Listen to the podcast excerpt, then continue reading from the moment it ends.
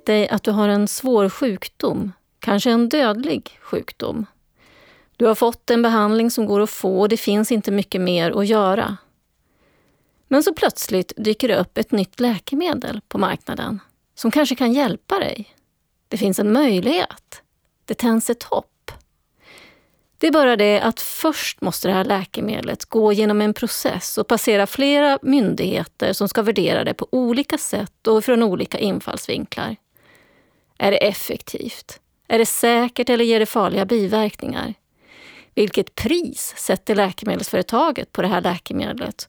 Och kommer de ens att marknadsföra det i Sverige? Har samhället råd att ge dig det?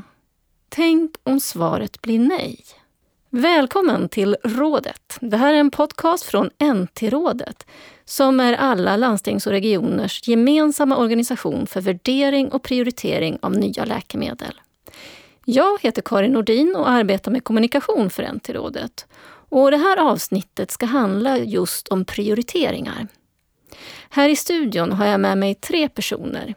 Det är Gerd Lärfars, docent och överläkare i hematologi och ordförande i NT-rådet. Välkommen! Tack! Vad säger du om den här situationen som jag precis målade upp här? Vi har, man kan ju ha en stor förståelse för att patienter som har en svår sjukdom ställer stora förhoppningar till, till nya behandlingar och nya läkemedel som patient kan man alldeles säkert ställa sig många frågor kring varför det ska ta så lång tid och vilka olika beslut som måste tas. Och det, det, är ju viktigt för oss som arbetar med läkemedel att också försöka förklara varför de här olika stegen behövs i en läkemedelsväg till att bli godkänt. Och jag tänker att när vi försöker prata om det här för patienter eller för andra eh, delar av samhället så är det ju för att förklara att vi behöver de här olika stegen för att både kunna ta ställning till om ett läkemedel överhuvudtaget ska användas. Och det gör ju våra myndigheter som Läkemedelsverket. Om det är rimligt prissatt i förhållande till dess nytta och där har vi hjälp av andra myndigheter. Och sen måste landstingen, som då har ett helhetsansvar av alla vårdinsatser, väga det här läkemedlet mot andra delar av vården och se, är det här en rimlig fördelning av våra resurser? Att satsa på det här läkemedlet eller någonting annat. Mm. Men det kan ju bli nej. Och varför behövs prioriteringar? Prioriteringar har alltid gjorts inom hälso och sjukvård och det kommer att fortsätta behöva göras, kanske än mer i framtiden. Och jag tror att det här sättet vi arbetar nu med läkemedel är kanske svårt att acceptera och förstå, men det är ett sätt att arbeta väldigt tydligt och transparent med vad vi anser oss ha råd med och vad vi måste tacka nej till.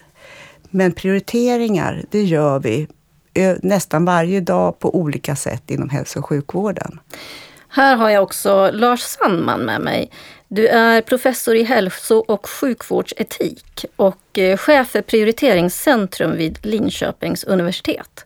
Du är filosof och etiker och ledamot i NT-rådet. Kan du ge exempel på någon situation när du har varit med och, och eh, arbetat med prioriteringar där det har varit svårt från ett filosofiskt perspektiv? En fråga är väl den som vi är inne på här nu med, med nya dyra läkemedel. Eh, och kanske framförallt det vi kallar för särläkemedel, eller läkemedel för sällsynta tillstånd. Alltså läkemedel som eh, tenderar att bli väldigt dyra per patient, därför att det är så få patienter som man ska slå ut utvecklingskostnader och vinster på. Eh, ett sådant exempel som diskuteras ganska mycket för några år sedan är ett läkemedel som heter Soliris. Eh, Soliris eh, går att använda för ett antal diagnoser, men, men kanske framförallt för en, en njursjukdom som kallas för A-hus. Och det som var speciellt med Soliris när det kom var att det var ett ganska effektivt läkemedel. Alltså en del läkemedel som kommer kan ju, kan ju kanske inte ha så god effekt, men eftersom det inte finns något alternativ så är de ändå efterfrågade. Så att säga. I det här fallet var det ett läkemedel som ändå hade en ganska god effekt, men var prissatt otroligt högt och benämndes under några någon period i, som, som världens dyraste läkemedel med kostnader i, i svenska termer på kanske i storleksordningen 4 till 5 miljoner kronor per patient och år. Och det är klart att det är en, en svår etisk filosofisk fråga, därför att, eh, och, och vi har ju, du har ju antytt det lite redan nu, alltså att, att som läkare och patient veta att här finns ett läkemedel som nu kan hjälpa mig i min situation. Eh, förbättra livet på olika sätt, kanske faktiskt till och med undvika förtida död eller åtminstone skjuta den framför sig. Och samtidigt så är priset så otroligt högt, så börjar vi acceptera det så sätter vi kanske ett mönster för annan läkemedelsanvändning. Vi kanske börjar använda läkemedel till en kostnad som gör att vi börjar tränga ut an, annan typ av vård. Eh, och frågan då, under vilka omständigheter skulle vi kunna acceptera ett sådant läkemedel? Vad krävs? Hur ska man tänka etiskt kring den frågan? Finns det några, framförallt kanske rättvisa argument som skulle kunna stödja att vi faktiskt accepterar högre kostnader för ett sådant läkemedel som Soliris. Så det var en fråga som vi brottades med ganska mycket för några år sedan. Varför menar du att prioriteringar behövs? Gerd har ju redan varit inne på det. Det är ju så att resurserna är ju begränsade. De kommer alltid vara begränsade i relation till vad vi vill och vilka behov som finns inom hälso och sjukvården. Och det finns väl ett flertal olika skäl till att den, den frågan har blivit ännu, ställs på sin spets ännu mer. Så. Eh, det kommer mer och mer saker och ting vi kan göra inom hälso och sjukvården, nya metoder som, som är kostsamma på olika sätt. Eh, demografin, det vill säga åldersutvecklingen i befolkningen gör att vi får större, fler behov. Liksom. Eh, relationen mellan äldre och barn i relation till de som arbetar blir så att säga mer missgynnsam eller ogynnsam. Nu ser vi också att ekonomin bromsar in, vilket kanske gör att skatteintäkterna minskar överhuvudtaget. Det vill säga det finns flera faktorer som gör att liksom relationen mellan resurser och det vi skulle vilja göra inom hälso och sjukvården inte riktigt är så gynnsam som vi skulle vilja att den är. Och det gör att vi kräver att det krävs prioriteringar och kanske till och med ransoneringar, det vill säga att vi faktiskt måste säga nej i vissa lägen. Vad hände med det här Soliris? Det som har hänt med Soliris är att det är tillgängliggjort för vissa patienter, de som är kanske allra svårast däran. Och, vi i NT-rådet har, har, bidragit till att skapa en struktur för att försöka få kontroll på den användningen. Så, men fortfarande har inte läkemedelsbolagen eh, utifrån vårt perspektiv sänkt priserna till den nivån som vi eh, uppfattar som mer rimlig för att kunna erbjuda det på ett bredare plan. Och nu vänder jag mig till Eva Broström. Du är verksamhetschef för barnortopedi och barnmedicin och avancerad hemsjukvård för barn vid Karolinska Universitetssjukhuset, Astrid Lindgrens barnsjukhus i Stockholm. Du är också docent och sjukgymnast. Välkommen! Tack. Kan inte du som jobbar i vården ge ett exempel på när ni gör prioriteringar? Ja, vi gör ju prioriteringar hela tiden eh, och det är ju medicinska prioriteringar. Och det pågår ju dygnet runt. Eh, vilka som ska vara inneliggande i våra sängar. Eh, så att det, det handlar ju inte om om man ska ha ett särläkemedel eller vad det kostar utan det är ju helt grundat på, på medicinska prioriteringar. Jag tror faktiskt inte att jag har stått någonsin under mina sex år som verksamhetschef inför ett ekonomiskt beslut. Men det här ska vi inte göra för det här kostar för mycket pengar. Eh, utan ja, det här ska vi göra. Det finns evidens för att det här måste vi göra och vi måste också ta bort det som det inte finns evidens för. Så det nya måste ta bort det gamla. Liksom. Får jag kommentera det? Mm du säger att det inte handlar om ekonomiska prioriteringar, det är ju sant på ett sätt i en bemärkelse, men det handlar ju om resurser trots allt. Ja, det vill säga det handlar om vårdplatser, mm. det handlar om finns det tillräckligt med personal, fanns det mer vårdplatser, fanns det mer personal så skulle man kanske inte behöva göra samma prioriteringar. Så att i någon bemärkelse, och det tror jag är viktigt att betona när vi pratar om prioriteringar, det behöver mm. inte bara handla om pengar, alltså att, det, att vi tillför mer pengar till systemet inte självklart hjälper inte självklart till, utan det, det krävs också personal, det krävs liksom byggnader, det mm. krävs mm. vårdplatser etc. Absolut, absolut. Men förutsatt de, de sängar som finns, eller bäddar, eh, vad, vem, vem, ska ligga i de bäddarna? Och det blir ju prioriteringar. Mm. Mm. Jag, jag, jag, jag, tänker också att det är viktigt, precis som du säger Lars, att vi ser, vi vill ju gärna se när vi arbetar med det här, att läkemedel är en del av vår hälso och sjukvård. Mm. Så det är en del av behandlingen. Man kan inte plocka ut läkemedel från ett helhetsperspektiv och säga att, eh, att det ska behandlas på något speciellt sätt därför att det påverkar liksom hela vårt sätt att arbeta. Och många andra saker. Alltså ett läkemedel kan ju verkligen påverka vilka sjukhus, sjukvårdsresurser man behöver för övrigt. Mm. Så det är ju en helhetsbild även för ett läkemedel. Gerd, eh, kan inte du berätta, vad är NT-rådet? NT-rådet arbetar på uppdrag av landstingen just för att göra de här gemensamma nationella värderingar av nya, oftast dyra läkemedel. Och eh, vi arbetar, vi har fått det uppdraget utav landstingen för att vi vill uppnå en jämlik sjukvård och läkemedelsanvändning. Och att vi vill ju då också kunna göra den här granskningen och göra en gemensam bedömning utav hur vi ska använda, om vi ska använda nya läkemedel. Nu har ju vårt uppdrag förändrats lite grann kanske under de här åren. Att, att det blir ju även kanske nygamla läkemedel som kommer upp. För att det blir ju så att även de, de nya läkemedlen måste ju sättas i relation till kanske hur gamla behandlingar ser ut. Så att det är ju inte riktigt bara nya läkemedel, men majoriteten utav dem. Och det är ju framförallt det som Lars nämnde nämligen mycket dyra särläkemedel och läkemedel då inom eh, cancerområdet som eh, också har, kommer en stort antal och till höga priser. Eh, och vi arbetar nära våra myndigheter, framförallt Tandvårds och Läkemedelsförmånsverket för att göra, för att göra värderingar utifrån samma grund kan man säga. Vi eh, försöker ju ha en dialog med professionen och med landstingen om hur de ser på behov och hur de värdesätter de här nya läkemedlen. Men varför ska NT-rådet göra det här när, när eh, det redan har gått genom en process med fått godkännande? Det är just därför att vi, som jag har nämnt här, att ett läkemedel kan ju visa sig ha en god eh, nytta som överstiger risk och det kan också till och med vara Eh, ha en viss hälsoekonomi. Men i relation till andra vårdinsatser eller faktiskt utifrån att den här vinsten man gör är så marginell så man bedömer att den har ändå inte det värdet att man vill, att man vill initiera eller påbörja behandlingar med läkemedel. Då ska vi ju göra lika i Sverige också, det är väldigt viktigt. Och då behövs ju liksom en vårdens perspektiv på ett nytt läkemedel. Mm.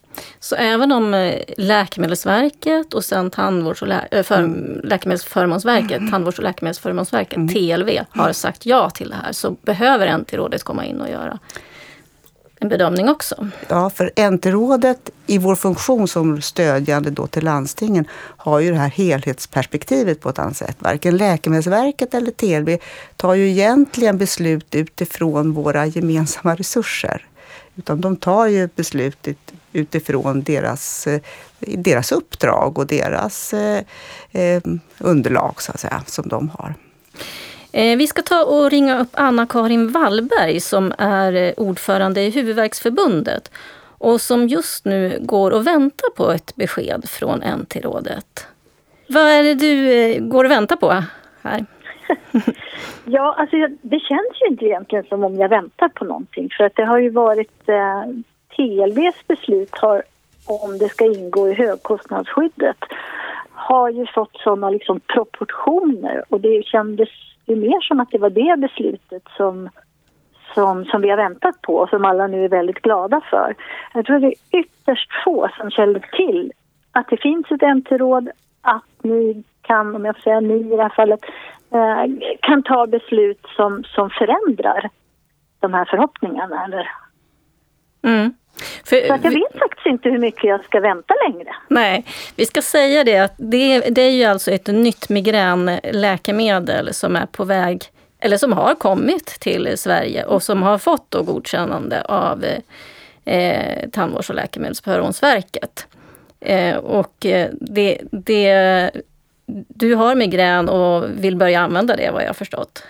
Ja, så är det ju. Och det är många av våra medlemmar i Huvudvärksförbundet har ju redan kontaktat eh, sina läkare, i det här fallet då neurologer. Eh, och många har fått utskrivet. Eh, det de går och väntar på just nu det är väl att apoteken ska ha dem i sin, sitt lager. Så vilken betydelse har NT-rådet då? Ja, jag måste säga att, att som, som patientföreträdare så, så så är jag framförallt osäker på vilken betydelse NT-rådet har. Det är en ganska, eh, jag ska inte säga att ni är hemliga, men det är inte många som känner till er. Eh, och det är också ganska svårt att komma i kontakt med NT-rådet eh, och det är svårt att veta hur man får kontakta er och hur man kan arbeta tillsammans eller, eller kanske till och med så småningom då överklaga ett beslut till exempel. Kan du beskriva hur det är att ha migrän? Ja, alltså jag har ju haft eh, migrän ända sedan jag var någonstans i, i tonåren. Det här är ju en neurologisk sjukdom där huvudvärk är ett av de symptomen på, som, som man kan ha. Eh, mina anfall eh, är ungefär 72 timmar, alltså tre dygn. De kan vara allt från kanske fyra timmar till ja, ungefär tre dygn. En del har anfall eh, kanske en gång per år. Eh, och de som då har kronisk migrän som jag har, vi har ju mer än 15 anfallsdagar per månad varav då åtta är utav migräntyp. Eh, och ett migränanfall, eh, den har ju tre faser. Först har man någon slags förkänning. En del, 30% av oss har någonting som kallas för aura. Det påverkar synfältet på olika sätt. Man kan se blixtrar och så vidare. Eh, man kan få stickningar, man kan få känna en irritation i kroppen. Eh, själv blir jag väldigt otrevlig när jag håller på att få migrän. Eh, man blir ljud och ljuskänslig och, och så. Och sen kommer då själva anfallet. Och då har man ju en slags bultande, stickande smärta som är, sitter oftast ensidigt i huvudet. Många får blir illamående, kräks.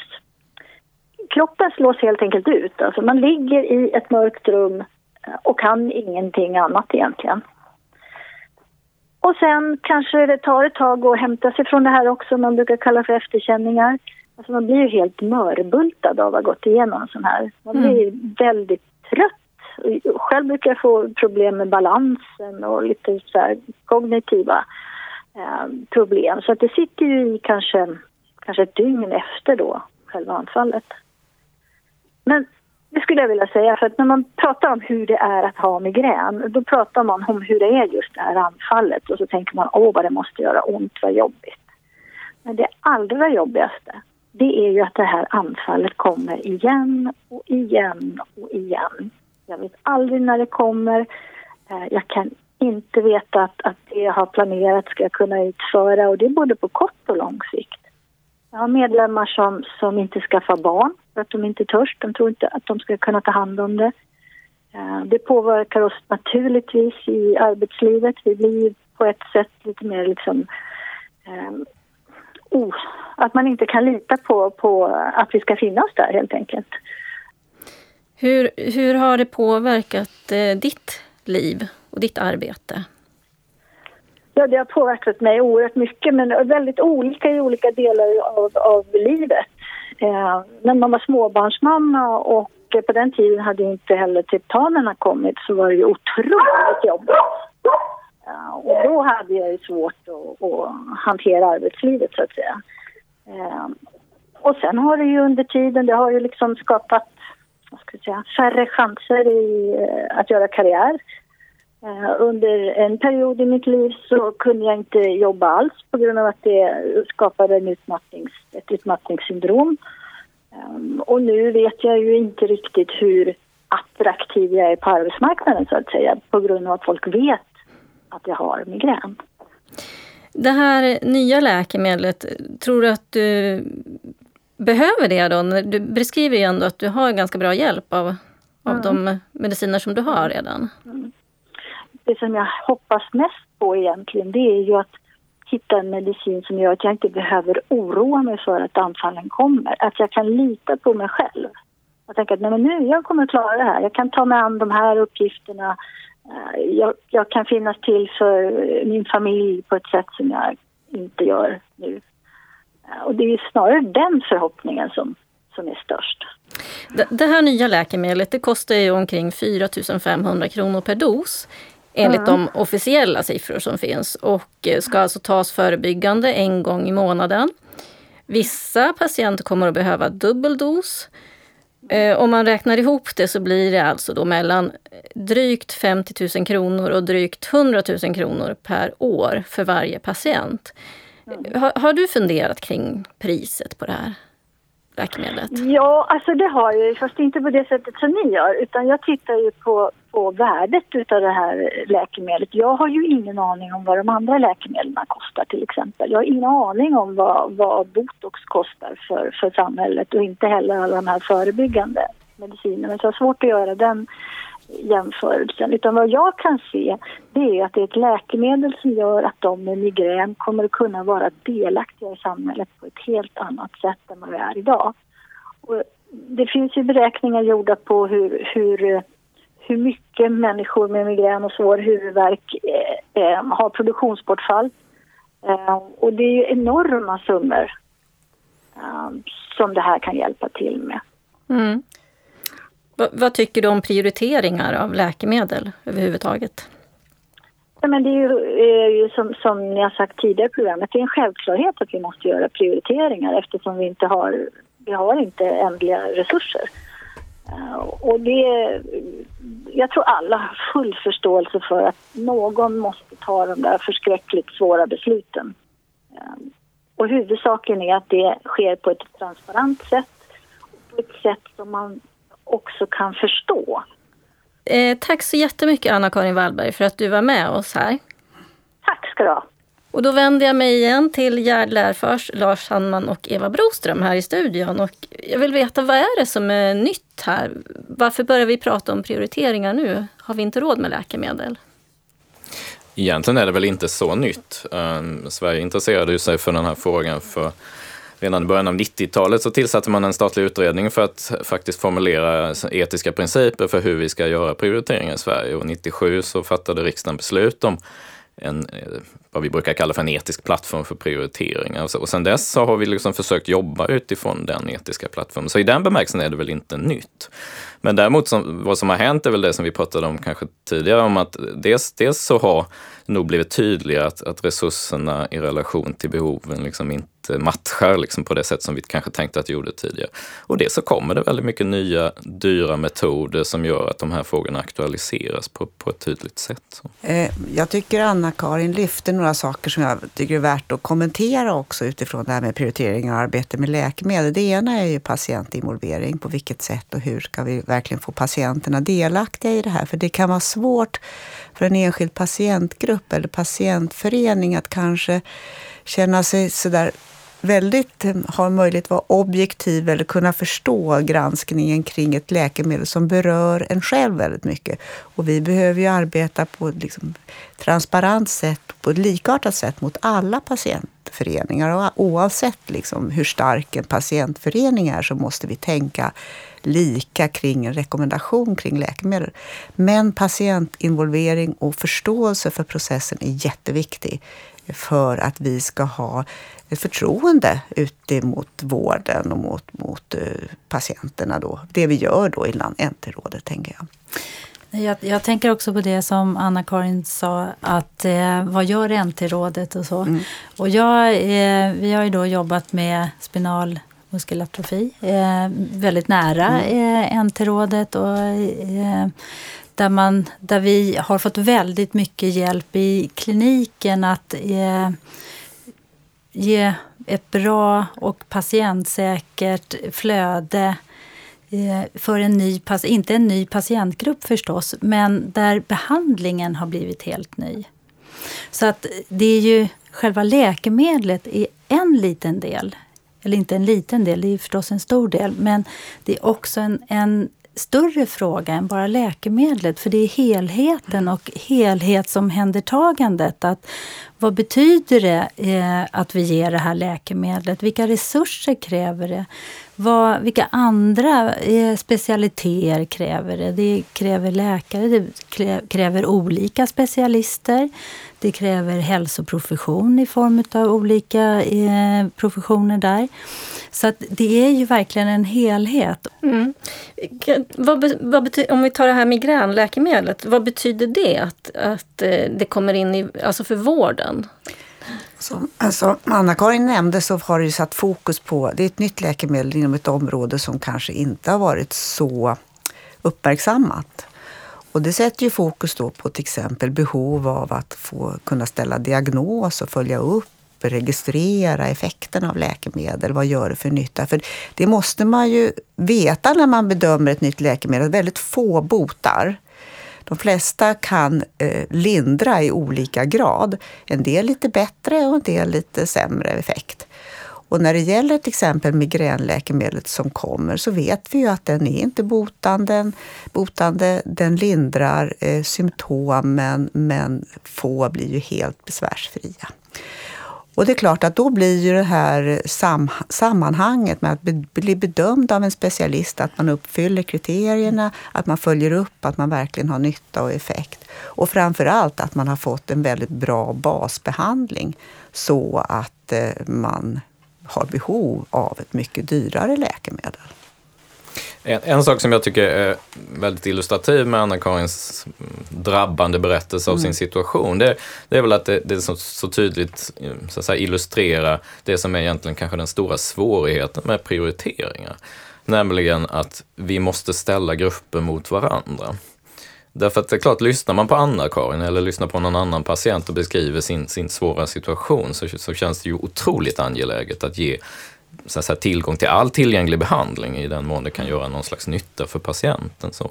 Och samtidigt så gör den här liksom resurssituationen att vi måste i vissa fall kanske välja bort vissa patient eller vissa patientgrupper eller behandling till vissa patientgrupper för att kunna ge det till andra. Och det, det är klart att det är, det är en, en, svår etisk utmaning. Och dels att, att kunna fatta de besluten och så säga, emotionellt fatta de besluten, men också att, att göra den värderingen. Så att säga, vem är det som har ett svårare tillstånd? Vem är det som, eh, som har, har liksom en situation som gör att det är mer angeläget att ge behandling till den gruppen jämfört med en annan grupp? Så det där är ju, det, det tycker jag liksom är väldigt på något sätt intressant med att lyssna på Anna-Karins berättelse, för det illustrerar, tycker jag, den svårigheten på ett ganska tydligt sätt.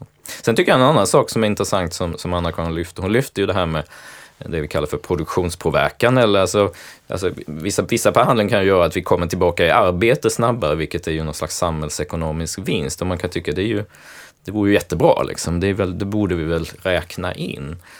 Det har också väckt en etisk diskussion, för det är klart att det, det, kan gynna de grupperna som har förmåga att återgå i arbete. Men pratar vi om grupper som kanske till exempel är äldre, som inte finns i, åtminstone inte i, i normalt produk, produktionsarbete, um, så kanske det, det, inte finns sådana gynnsamma effekter för den och då skulle det kunna bli ojämlikt om vi tar hänsyn till det i vissa fall men inte i andra. Och det är väl också en sån, sån här sak som, som liksom illustrerar svårigheterna med prioriteringen. Att försöka dels ta hänsyn och väga olika grupper mot varandra men också göra det på ett jämlikt sätt så att vi gör ungefär samma och tar hänsyn till samma saker för olika grupper. Men tar, hur tar ni hänsyn till eh, förlorad arbetsinkomst? Alltså vi, vi, rekommendationerna som vi har landat i i Sverige eh, framförallt TLV eller Tandvårds och läkemedelsförmånsverket har landat i, som vi också följer, det är att man när man gör sin hälsoekonomiska bedömning eller analys så ska man liksom räkna på det eller titta på de effekterna och så ska man redovisa sin beräkning både med de effekterna och utan de effekterna för att se liksom hur de slår. Så. Men samtidigt så har vi sagt att vi ska vara lite försiktiga med att låta det bli avgörande för om vi säger ja eller nej. Alltså, är det bara det som tippar läkemedlet över gränsen så kan det bli problematiskt. Så att säga. Men vi bör ha en bild av hur det ser ut. Hur gör NT-rådet prioriteringar? Eh, NT-rådet utgår ju från den etiska plattformen som vi kallar den. Eh, den etiska plattformen eh, består huvudsakligen av tre olika principer som antogs av riksdagen 97 för att just vägleda hälso och sjukvårdsprioriteringarna. Och de här tre principerna är människovärdesprincipen som är en typ av likabehandlingsprincip som säger att alla människor har samma värde och samma rätt oberoende av personliga egenskaper och ställning i samhället. Och den säger kanske framförallt vad vi inte får ta hänsyn till. Den säger att vi får inte ta hänsyn till kronologisk ålder till exempel. Så att det handlar om just barn som vi ska behandla får vi egentligen inte ta hänsyn till i sig. Ehm, den säger att vi får inte ta hänsyn till socioekonomi eller social situation eller ekonomisk situation. Den säger att vi får inte ta hänsyn till tidigare livsstil exempelvis. Eh, så den liksom säger, definierar vissa saker som vi inte får väga in eller ta hänsyn till. Och så säger den vissa saker som vi får ta hänsyn till, till exempel biologisk ålder, det vill säga en, en patients möjlighet att faktiskt tillgodogöra sig behandling. Det kan ju vara så att en, en väldigt åldrad patient kanske inte överlever behandlingen eller biverkningarna är så stora eller någonting sånt. Eh, den säger också att vi får ta hänsyn till det som vi kallar för framtida livsstil. Det kanske är så att om, om den här patienten fortsätter med en viss livsstil så kommer behandlingen bli ineffektiv eller inte tillräckligt effektiv för att kunna accepteras. Så det finns vissa sådana skrivningar. Så. Men det är, det är mer av en grundläggande likabehandlingsprincip. Sen finns det en, en princip som kallas behovssolidaritetsprincipen som säger att ju större behov, desto mer resurser är vi villiga att lägga på, på det här behovet. Eh, och det här behovet, när vi pratar om stora behov, så brukar vi normalt sett översätta det i termer av ett tillstånds svårighetsgrad. Vi försöker bedöma hur, hur svårt är det här tillståndet i relation till att vara, ja, ha ungefär någon slags normal hälsa eller den hälsan hos normalbefolkningen eller någonting i stil med det.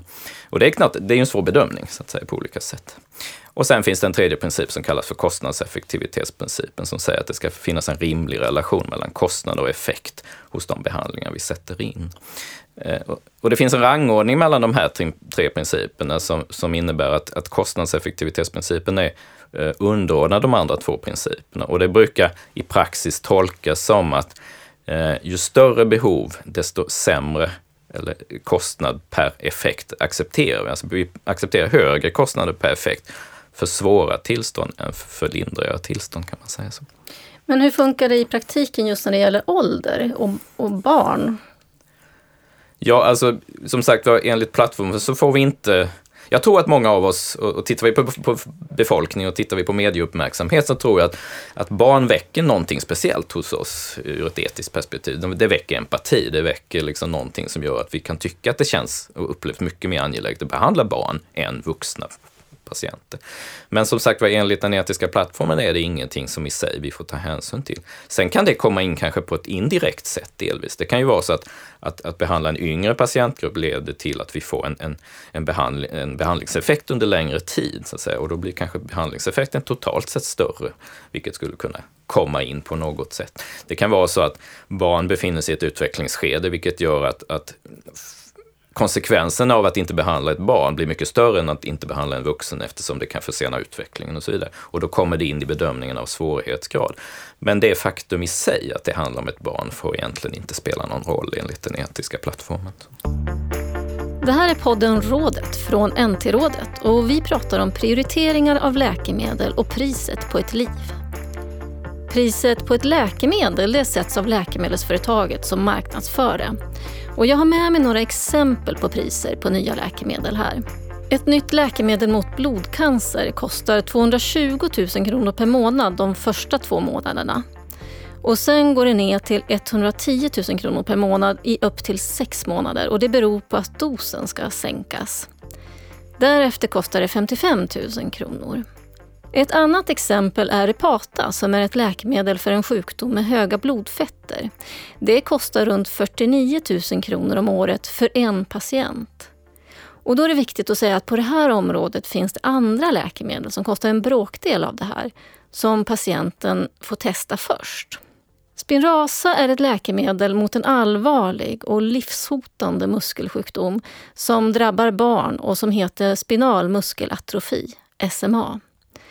Det kostar 800 000 kronor per dos, vilket blir 4,8 miljoner kronor det första året för en patient.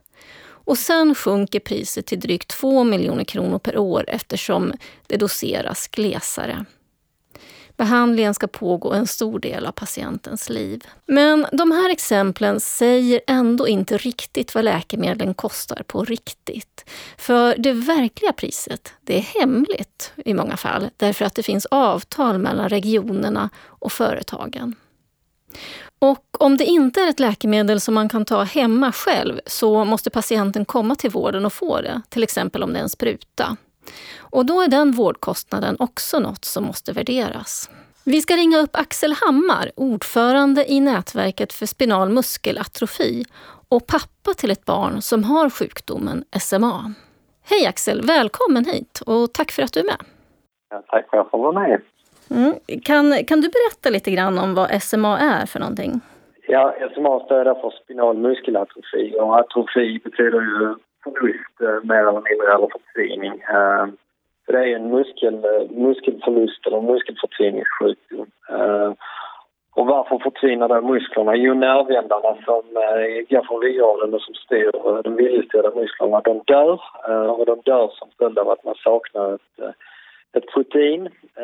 Och proteinet saknar man som följd av att man har ett, ett, ett baspar i genomet som, som kodar fel helt enkelt. Uh, och eh, för tillfället så kategoriserar man den här sjukdomen i, i tre olika typer brukar man säga. Typ 1, det är barn som eh, eh, aldrig lär sig sitta. Man upptäcker det tidigt, sjukdomen. Och man klarar sällan mer än första levnadsåret. Typ 2, de lär sig sitta men kommer upp kommer kanske upp i tonåren. Och då sakta tappar man ju då muskulatur och blir gradvis fången i sin kropp. Och, och typ treor som kan lära sig gå eh, och sen så bildar då handikappet i takt med att man, man blir äldre men man kan klara sig upp i åldrarna så att säga. Men sen kom då det här läkemedlet Spinraza. Eh, vad har det betytt för er?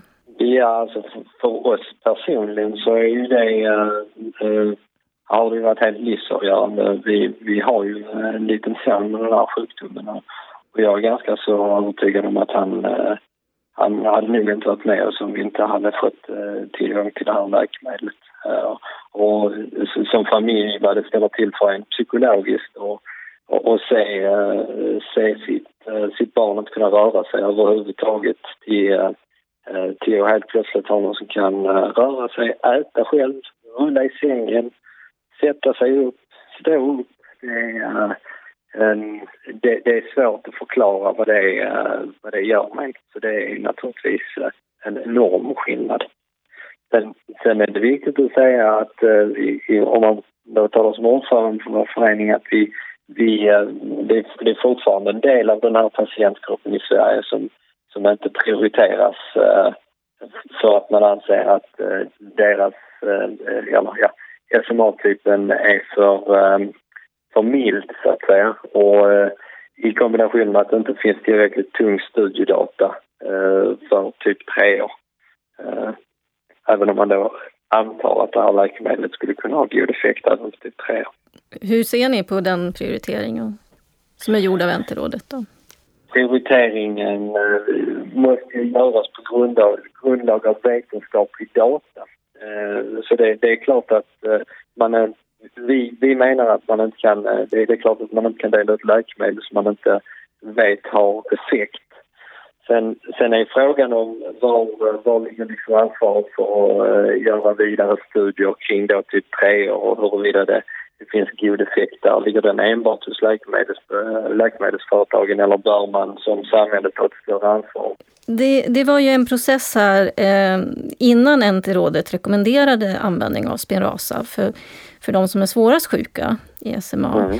Hur upplevde du den processen? Vi upplevde den, eh, den processen som eh, tidskrävande och då vet jag att eh, man, man tycker att det har gått oerhört fort här.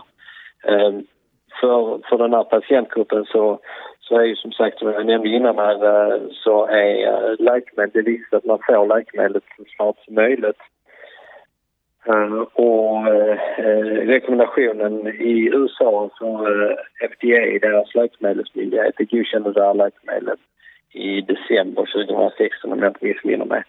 Det blev godkänt i, i Sverige, i, eller i, av EMA och därmed i Sverige i juni, eh, tror jag eh, året efter. Och, och sen så tog det ända fram till december innan man kunde komma med en slutgiltig eh, rekommendation. Eh, TLV behövde göra sina, sina beräkningar och eh, läkemedelsbolaget behövde komma in med papper och så vidare. Och det här är ju, alltså detta är ett läkemedel som man, man från samhällets sida har pushat fram och försökt trycka fram och försökt få forskning till stånd för, för att kunna erbjuda.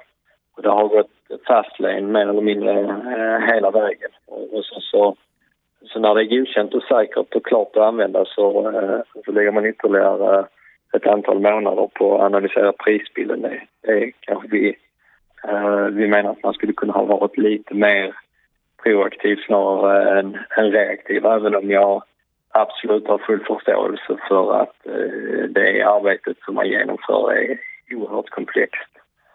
Uh, inte minst ur en, en etisk, uh, etisk aspekt men även ur en uh, ja, rent teknisk aspekt. Mm. Var, var ni oroliga under den här processen?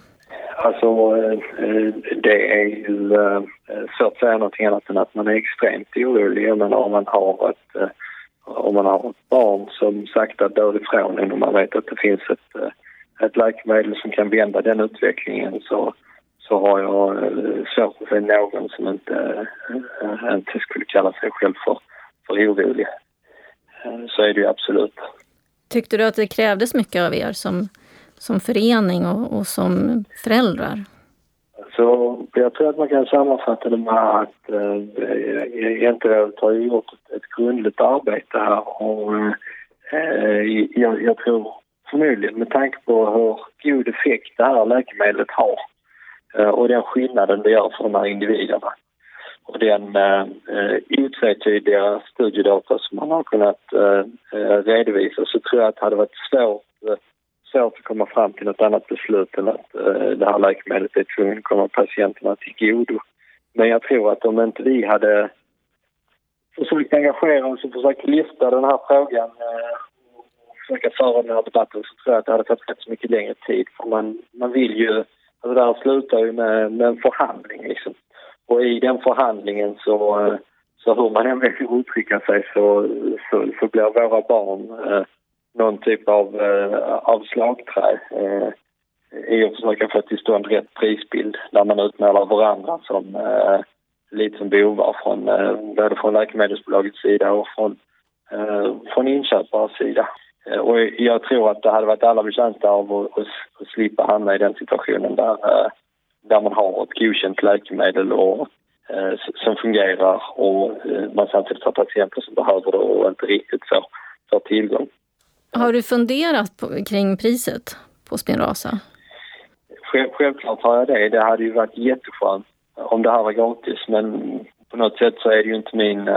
Eh, det kan ju inte vara min bild och, eller min, min sits att recensera hur man sätter priset. Det är ett marknadspris, eh, vill jag anta. Eh, vad som är viktigt från samhällets sida är ju, menar jag, är ju att driva på så att det finns fler alternativ så att man kan få ner kostnaden. Så är det mm. ju. Tack så jättemycket Axel Hammar, ordförande för Nätverket för spinal muskelatrofi. Tack så mycket. Tack ska du ha. Eva Broström, eh, du som är chef för en klinik där barn med SMA får vård. Vad, vad säger du om priset på Spirasa? Ja, alltså det är ju förstås eh, jättemycket pengar som påverkar vår budget. Det står där som en liten röd siffra, för det gör det, för vi har inte de pengarna i kliniken eller i verksamheten. Men det, det är så. Sen är det liksom någonting som vi diskuterar hela tiden eh, förstås. Men särläkemedlen står för sig själva. Så det är inte så att ja, men nu går du över din budget så här, så nu får du inte ge behandling till några fler barn det här året. Det händer inte. Vad, vad hände när, när Spirasa kom in? Ja, det blev ju ett eh, stort tryck förstås. Eh, att vi skulle eh, ge behandlingen snabbt. Det hade varit studier som hade pågått som, som inte var på Karolinska, så barnen var inte på Karolinska. Eh, vi prat, träffade HSF en hel del och eh, fick liksom skapade en struktur. Hur ska vi jobba? För som jag sa tidigare, det är ju inte, det är inte bara att le, ge läkemedlet. Utan eh, det ska också vara patientsäkert. Eh, vi måste utbilda. Vi skulle utbilda eh, alla våra sjukgym eller de sjukgymnaster, arbetsterapeuter som jobbar med barnen. De har ju jobbat och träffat de här barnen hela tiden. Skillnaden är att vi måste också utvärdera vad, vilken effekt har det och vad ska vi titta på och eh, hur, vad, vad blir konsekvenserna av det vi ser? Så att det är inte ett eget tyckande utan det ska vara likadant hur vi eh, utvärderar. Och det stöter ju på massa saker. Barnen ska kanske sövas. Det här är, inte, det här är barn som är sjuka. Vilka risker? Vad, hur ska vi göra det? En del av de större barnen är skoliosopererade. Och det här är ju ingenting som man, som man gör på en dag. Utan det här är ju många personer som är involverade. Och det är väl det som vi har diskuterat, du och jag, mycket Gerd. Hur, hur, vilka resurser runt omkring och helheten. Och vilken effekt får det här då på, på andra patientgrupper? Vilken effekt får det på andra patientgrupper? Ja, alltså det ger ju förstås en, en undanträngningseffekt. Eh, inte så att inte andra barn får behandlingar.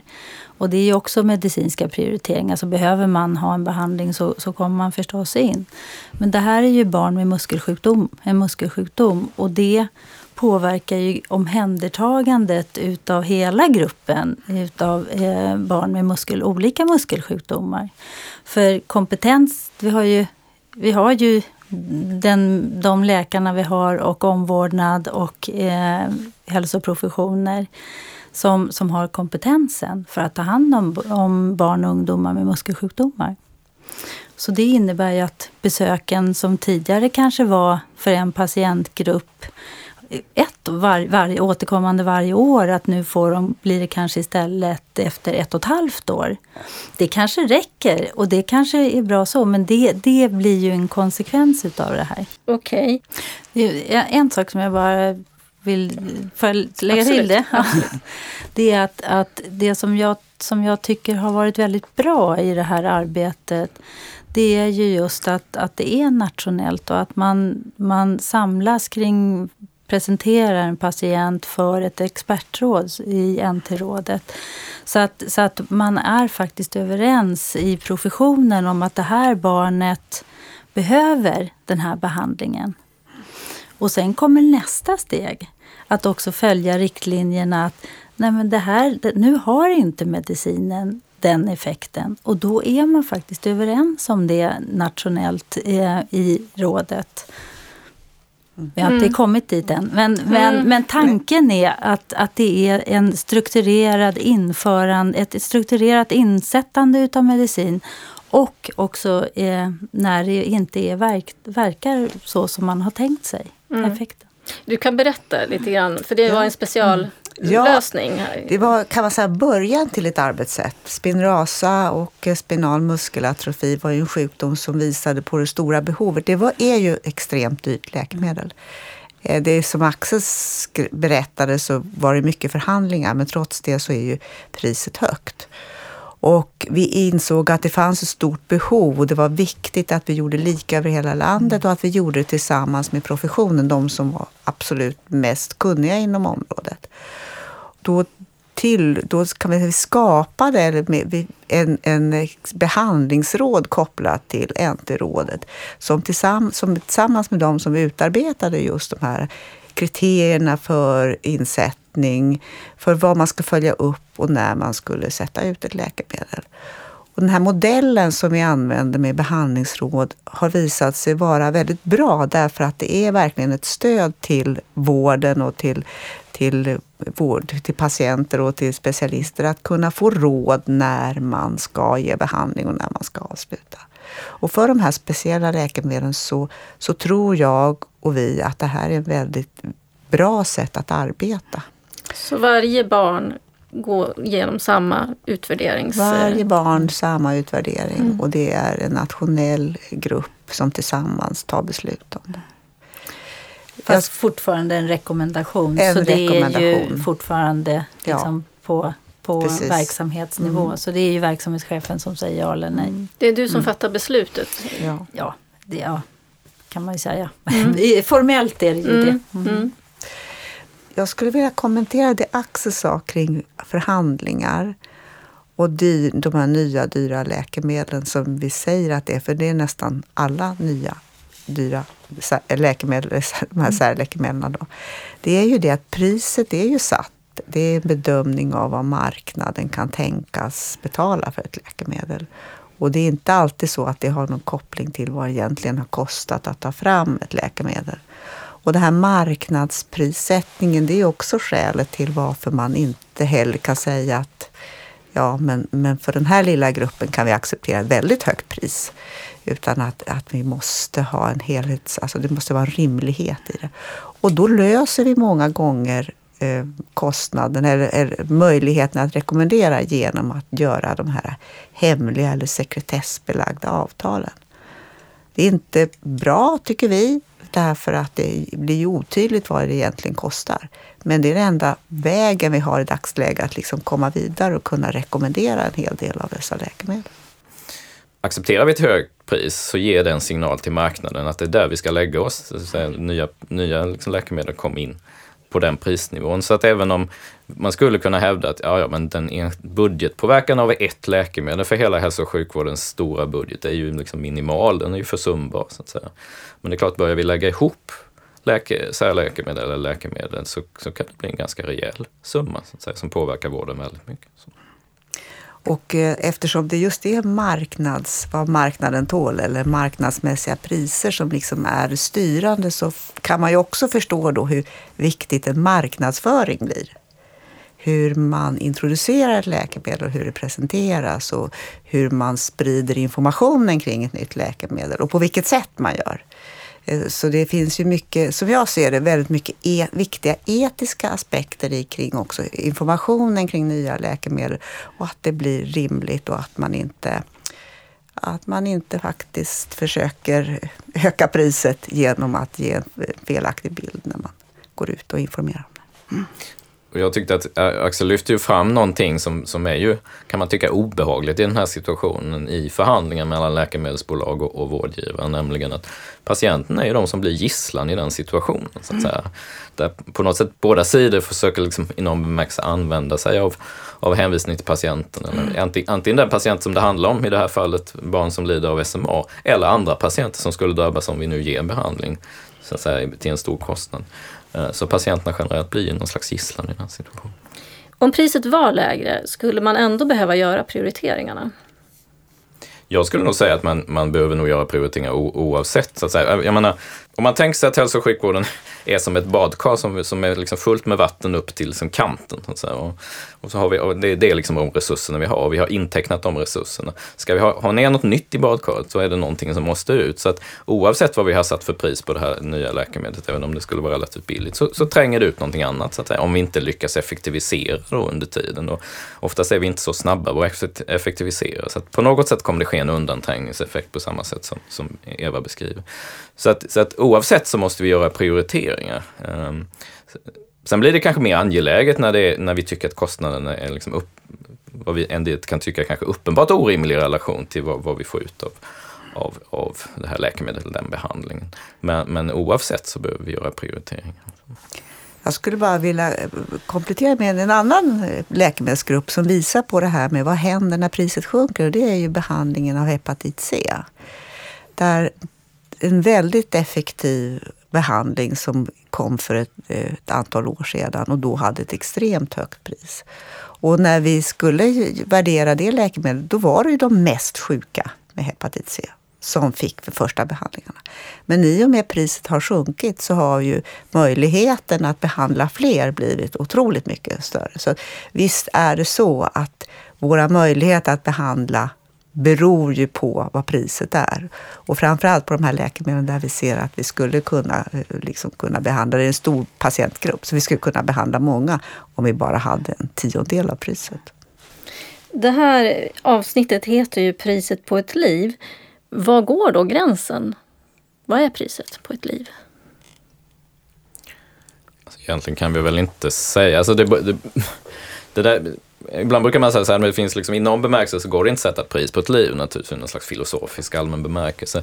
Eh, samtidigt så är det så, oavsett hur vi fattar explicita eller uttryckliga beslut om, om läkemedel eller andra behandlingar, så sätt en gräns för vilken kostnad per effekt vi, vi accepterar. Um, om vi gör det liksom transparent eller inte spelar egentligen ingen roll, för oavsett så kommer vi sätta ett pris på liv. Eh, alltså eftersom resurserna är begränsade så, så fattar vi inte, hade vi inte fattat något beslut eller hade vi, hade vi sagt ja utan att reflektera över om, om vi borde liksom förhandla kring till exempel spinraser så hade vi ju, då kunde det ju uppfattas som att då sätter vi inget pris på livet för barn med SMA, men då sätter vi ett pris på livet för andra patienter som kanske blir utan behandling därför att vi har sagt ja till ett högt pris. Så, så det är liksom en, en svår fråga att, att komma fram till vad som är ett rimligt pris per liv. Det handlar ju ganska mycket om vilka resurser har vi totalt sett, hur vill vi fördela dem, vad, vad räcker de till? Och, och, när vi börjar titta på det och vi försöker liksom göra någon slags bedömning, då kommer vi landa i att det faller ut så att säga ett, ett, ett pris på liv. Men vad vi ska sätta det är nog ganska omöjligt att säga på någon slags principiell grund. Då vill jag säga tack till Gerd Lärfors ordförande i NT-rådet, till Lars Sandman, professor i hälso och sjukvårdsetik och till Eva Broström som är verksamhetschef på Astrid Lindgrens barnsjukhus. Tack så mycket allihopa. Tack. Tack. Rådet är en podcast från NT-rådet. NT-rådet ger rekommendationer till landets regioner om hur nya läkemedel ska användas. Information om NT-rådet hittar du på www.ntrådet.se.